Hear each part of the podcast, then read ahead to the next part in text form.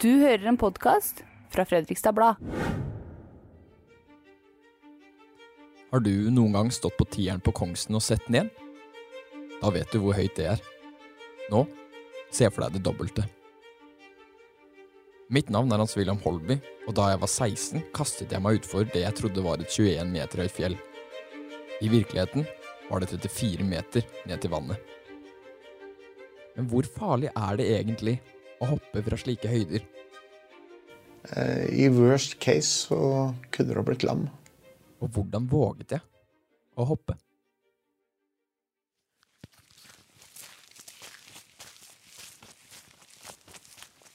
Jeg er tilbake på Dragonfjellet i Skjeberg. Det har gått fem år siden jeg var her sist, men jeg kjenner meg igjen. Jeg kjenner jo iallfall igjen den holmen der. Den rundet vi jo. Å våge seg ut på kanten av fjellet krever et mye større mot i dag enn det de gjorde for fem år siden. Oi, oi, oi. Det er høyt, ja. At jeg turte det her, det klarer jeg rett og slett ikke å forstå. Hva som har surra opp i huet mitt på den tida, det er ikke godt å si. Vi må snu tiden tilbake til 2018. Året da jeg og gutta fylte 16 år. Vi var jo en sammenspleisa gjeng. Vi var en ganske stor gjeng. Og jeg syns jo vi, gjorde, vi var veldig sosiale. Vi gjorde veldig mye sammen. Og den sommeren her var kanskje litt sånn spesiell, for da fylte jo alle 16 år. Og da begynte jo alle å kjøre rundt på motorsykler og scooter og mopeder, og det var liksom kult, da. Det sier Isak Fagermoen, en av mine beste kompiser, som også var til stede dagen jeg hoppet.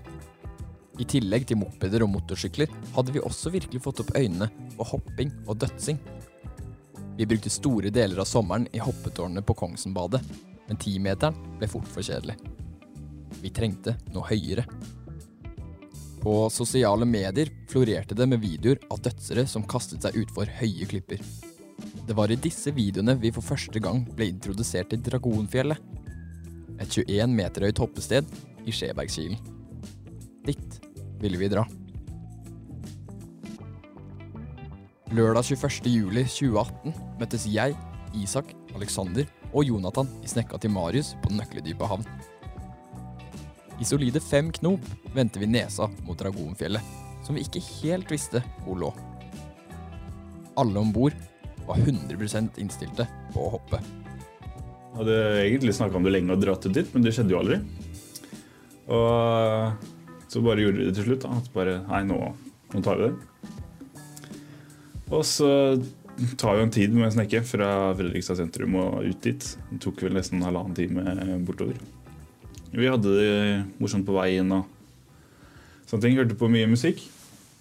Eh, sola skinte jo, så det var en fantastisk dag. Plutselig rundet vi Furuholmen og ble møtt av en enorm fjellvegg. Så kom vi jo fram etter hvert, da, og da var det jo husker jeg jo, var litt sånn, ok, Hvor skal vi parkere båten? For det er ikke noen parkeringsplasser. Og vi sånn Nei, vi tar den private brigga og hopper på det beste her. Det er det alle andre har gjort tidligere, så det går sikkert bra for oss òg. Da vi kom oss på toppen og fikk tittet over kanten, var det flere av gutta som trakk seg. Det ble raskt klart at det var Isak og jeg som ble det eneste som skulle hoppe. Men hvem skulle hoppe først? Jeg husker jo at uh, begge var gira på å gjøre det. Og det var jo liksom OK, hvem skal være først? Og da sa vel Jeg husker ikke, jeg. Jeg tror begge egentlig hadde litt sånn smålyst til å være først, bare for å ha gjort det først. Men uh, så var vel en av kanskje de andre gutta som sa ja, ta stein, saks, papir eller noe. Og så sa vel begge ja, ja, men det funker, liksom. Så da gjorde vi jo det. Og da husker jeg bare sto der, og det var jo liksom kroppen var jo garantert full av adrenalin og sto der liksom og småhoppa liksom og skulle Og så var det bare å ta fram hånda og ta stein, saks, papir. Jeg husker ikke hva, hva vi tok, men eh, jeg husker jeg fant. og ja, det var kanskje like greit. For meg var det like greit å tape, for det betydde at jeg fikk hoppe raskere unnagjort. Jeg mannet meg opp, slo meg på brystet og tok to steg før jeg var i lufta. Du lever faen! Og bare én gang!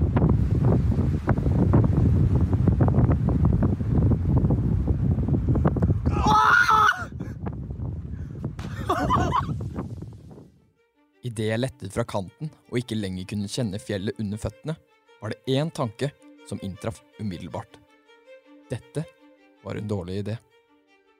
Kan du huske liksom hva du tenkte da du liksom så meg lette fra kanten der? Ja, for jeg sto jo der og bare måtte liksom Ok, nå kommer han først, og nå har jeg lova at jeg kommer, liksom. For det var avtalen, at jeg skal hoppe etter. Og så sto jeg der og liksom tenkte på det, og ja, ja, nå hopper han, så må jeg hoppe òg. Så jeg sto liksom og måtte manne meg litt opp, da. Og så husker jeg du, du faktisk gjorde det. Hadde mine tvil på at du skulle gjøre det, men du gjorde det.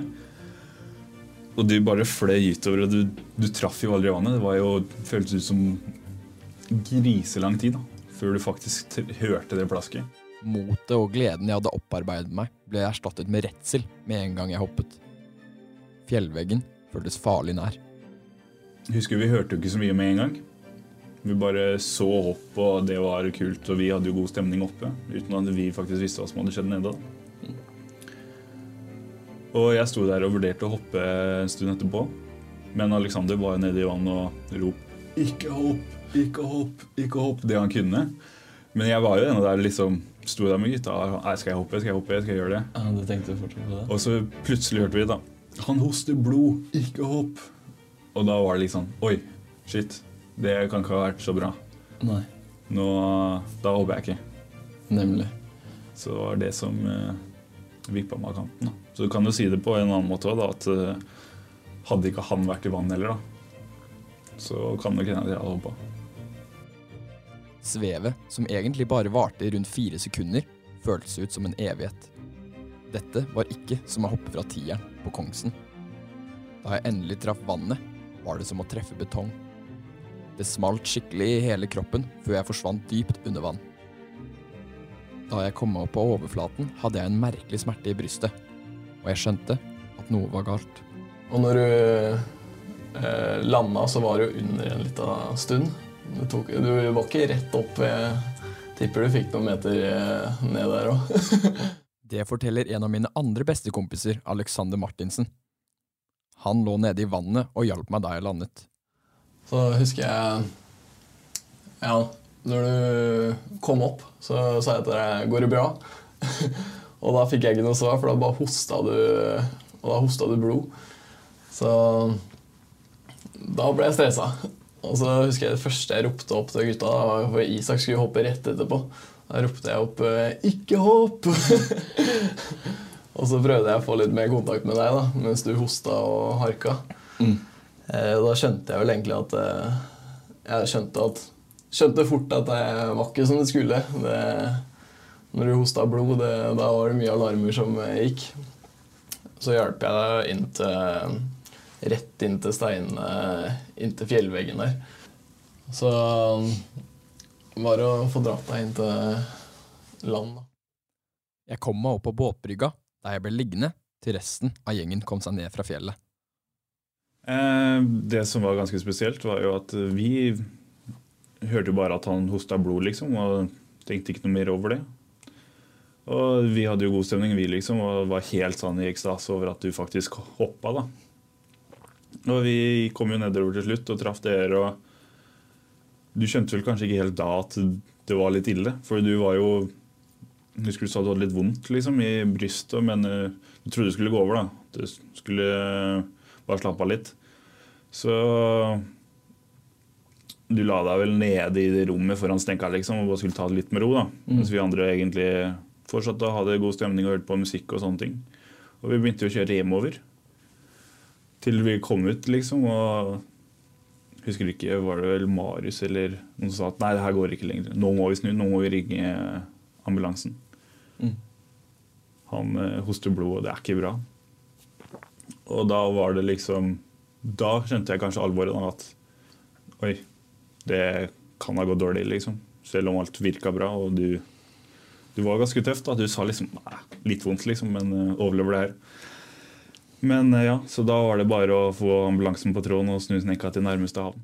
På Holm båthavn ble jeg møtt av Jan Joakimjak. Han har 30 år bak seg som ambulansearbeider, og selv om det har gått fem år, husker han godt dagen han hentet meg. Vi fikk en gul tur. Ut til Tosterkilen, for å si det sånn. Skulle møte ved båthavna der. Eh, Fikk beskjed om at det var en, eh, noen ungdommer som hadde hoppa fra fjellet. De sier Dragonfjellet. Og da visste jeg akkurat hvor det var, for jeg har jo naboer som har hytte der. Og så hadde de hoppa i, i vannet, og den ene følte seg ikke helt i form. Hosta opp litt blod og var litt sånn Følte seg uvel. Så vi fikk det som en gult til og kjørte ut. Når jeg ser deg komme, så ser jeg litt sammenkroppa. Du hoster litt. Og jeg tenker inni meg selv, da. Jeg tror kollegaen hadde samme tanken. Her er det, kan det være fare for at lungene kan gå kollapse. Eh, og vi ser at du har det vondt. Og da er det egentlig er det noen blålys i våre hoder som, som gjelder. Da er det ganske alvorlig. For hvis du har tatt eh, rifta opp lungeposen, som er rundt lungene, som er rundt lungene, som beskytter lungene Hvis den går på, så kan du få en eh, pneumotoraks, altså en lungekollaps. Vel fremme på Kalnes ble jeg sendt rett inn på intensivavdeling. Der blir det påvist lungesprengning. Du hadde det som på fagspråket heter pneumotoraks. Det betyr egentlig at det er en liten rift i hinnen rundt lungen. Slik at det underslipper luft fra lungen ut eh, i brysthulen mellom brystveggen og selve lungen. Eh, på, på ordinært norsk så kaller man det ofte for lungesprengning. I hvert fall i forbindelse med dykking. Når man kan eh, bli utsatt for det samme. da. Det sier Knut Steinar Isaksen. Han er seksjonsoverlege for akuttkirurgi ved sykehuset i Østfold. Det innebærer blant annet at han har systemansvaret for all traumebehandling. I tillegg så kan sånne rifter i, i hinnen rundt lungen de kan jo blø også. Um, og nå har jeg som du sier sett det i journalen din, så jeg kunne også se at du hadde også blødninger inne i selve lungen. Ja. Ja, Det vi kaller eh, hematomer på fagspråket. Så, eh, og begge de tilstandene er potensielt veldig farlige. Eh, Men i utgangspunktet så skal det en del til for at det alene er dødelig. Da må det være enten veldig store hematomer i lungene, eh, eller så kan det i noen sjeldne tilfeller utvikle seg det vi kaller et eh, overtrykk eh, mellom brystveggen og lungen. Slik at den luften eh, skaper så høyt trykk at det påvirker også sirkulasjonen, altså de store blodårene som fyller hjertet. Det er nok en ganske sjelden tilstand, eh, spesielt etter en type skade som det du fikk. Men det kan skje, og det kan potensielt være dødelig. da. Det tok ikke lang tid før både mutter'n og fatter'n var på plass på sykehuset. Jeg husker det var en eh, fin sommerdag. Jeg var på hytta. Der er jeg jo bare fine sommerdager stort sett. Koste meg der. For du var ikke med, for du skulle ut med gutta. Dere skulle på en eh, snekketur, som dere har gjort før. Og du gleda deg til det, og gjorde deg klar og dro av gårde der. Så jeg ante fred og ingen fare, og stolte både på deg og gutta. Var, eh, tenkte ikke noe annet enn at du skulle ha en deilig dag på sjøen. Helt inntil telefonen kom etter hvert, og noe hadde skjedd. Men da du kom på sykehuset og, og traff meg, husker du, noe, husker du noe fra det? Ja, klart jeg husker det. Ehm, Det som gjorde eh, meg rolig midt oppi hele situasjonen, var jo at du var rolig. At du smilte når jeg kom inn på, overvåkninga, faktisk. For det er på vei inn på sykehuset å liksom finne fram skilt, overvåkning Jeg tenker herregud, ligger sønnen min innpå her? Det er litt sånn eh, Ja, det opplevde jeg litt eh, vemmelig. Men inn døra, og der ligger du med mye ledninger og ting og tang, men med et stort smil. 'Mamma, det går bra', sa du. Og det kunne jeg jo se på deg for så vidt òg, at eh, det gjorde. Og dermed så, så ble ikke jeg så veldig urolig, selv om eh, det var mye ledninger. At det gikk bra med meg, hadde mutter'n helt rett i. Stemningen på sykehuset var god, men den tok plutselig en brå vending. På sykesengen får jeg nemlig en telefon. Det er Alexander, og han har oppsiktsvekkende nyheter.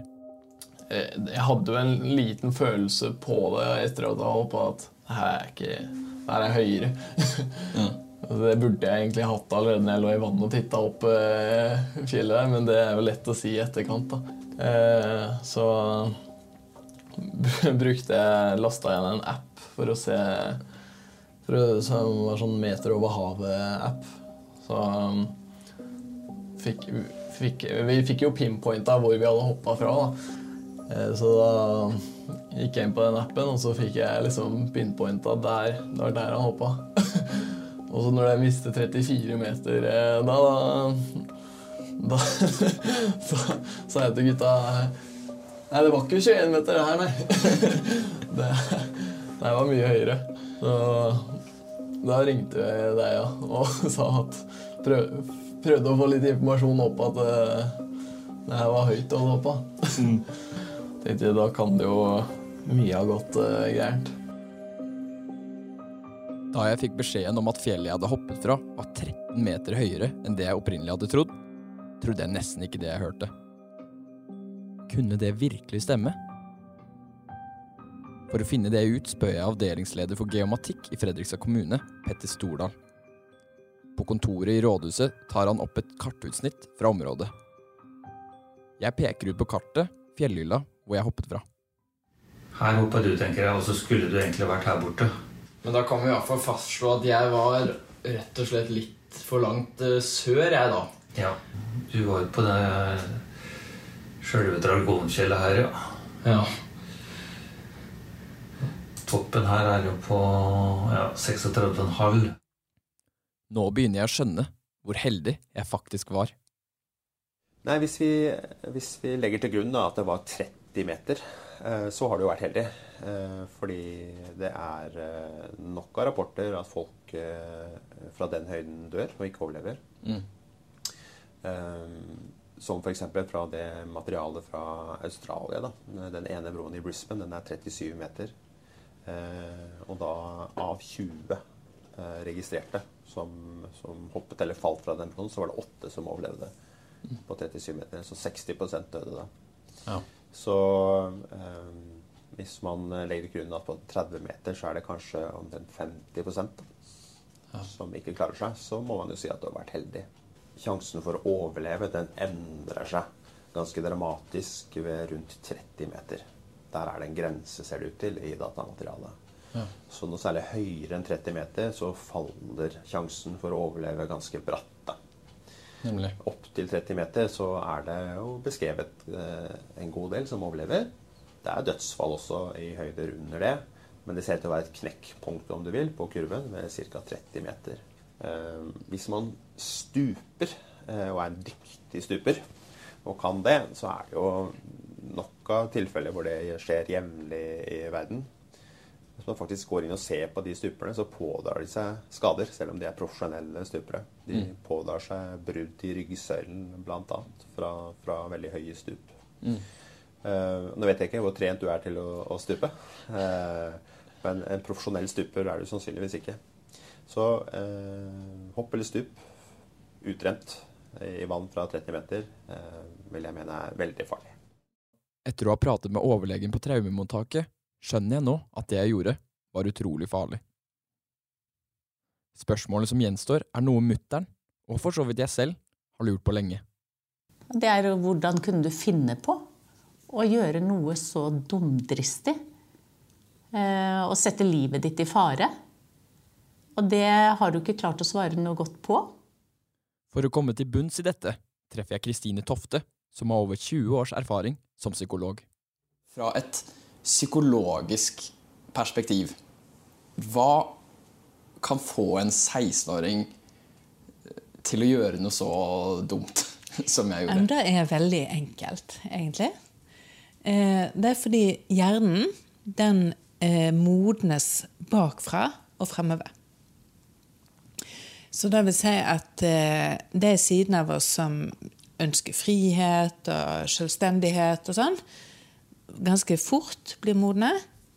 Mens frontallappen, som er eh, egentlig ikke bare helt fremme, den er sånn ca. halve hjernen, men den fremste halvdelen av hjernen, den blir sist moden. Hvor gammel er du nå? 21. Nemlig. Så den er ikke helt moden hos deg ennå. Fordi hos gutter så blir den moden når en er 6-7-28. Da, da er en ordentlig voksen. Ehm, mens eh, når en er 16, så er den ikke i nærheten av moden. Altså den er ikke begynt å modnes ennå. Eh, og det vil si at i frontallappen der sitter evnen til å tenke konsekvenser. Eh, planlegging og tenke gjennom at hvis jeg gjør dette, så skjer sannsynligvis dette. Og impulskontroll. Alt det der sitter i frontallappen. Og ingenting av det er begynt å være en voksent når en gutt er 16 år. 16-åringer de kan være klar for å flytte hjemmefra. Helt klar. De vil ut i verden. Men de har ingen som helst begrep om at hvis jeg gjør dette, så skjer kanskje dette. Eller. Og de har ingen impulskontroll. Så det vil si at hvis de plutselig får for seg at ja, nå hopper jeg bare utfor her. Nå gjør jeg bare dette. Nå Ja, så bare gjør de det. De har overhodet ingen del av hjernen som sier ja, stopp, vent litt, kjenn etter, er dette lurt? For den delen, den kommer seinere. Nå, fem år etter jeg hoppet, sitter jeg igjen med ny kunnskap og mange inntrykk. Det jeg gjorde var utvilsomt veldig farlig, og hadde jeg vært litt mindre heldig, kunne det godt hende at mutter'n og fatter'n hadde fått en helt annen telefon den dagen. Det har fatter'n tenkt mye på i etterkant. Du spør om jeg var redd, ikke sant? Og det, det var jeg som sagt eh, for så vidt ikke. Men eh, så kom det jo frem at det var høyere. Eh, og så fikk jeg jo se videoen av hoppet. Og det ga jo begge de to skal vi si, tingene ga jo en viss grunn til ettertanke. Det må jeg nok si. For det var Det syns jeg fremdeles er litt opprørende å tenke over hvor mange ting som kunne gått helt galt. Og det var på en måte alt fra at du kunne ha truffet det der bergutspringet, som du liksom så, visst, så vidt uh, unngikk. Og du kunne ha landet på en helt annen måte. Du kunne ha fått en rotasjon og landet flatt på magen, f.eks.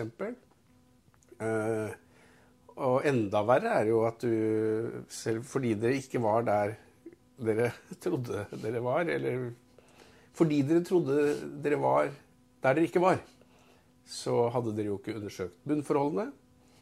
Eh, så der kunne det jo vært et Du kunne jo landet rett på et undervannsskjær osv. Og det har jeg jo selvfølgelig tenkt en god del på, da. At den telefonen kunne vært av en helt annen karakter. Og det syns jeg nok fremdeles er litt sånn uh, ubehagelig å tenke på. Men samtidig så legger jeg dog til grunn at det gikk bra, da. Mm. Har du noen gang stått på timeteren på Kongsten? Da vet du i så fall at det er langt ned. Nå, se for deg det trippelte. Neste gang du står på en fjelltopp og vurderer å hoppe, ikke gjør det jeg gjorde. Just don't do it. Mitt beste råd er hold deg på Kongsten.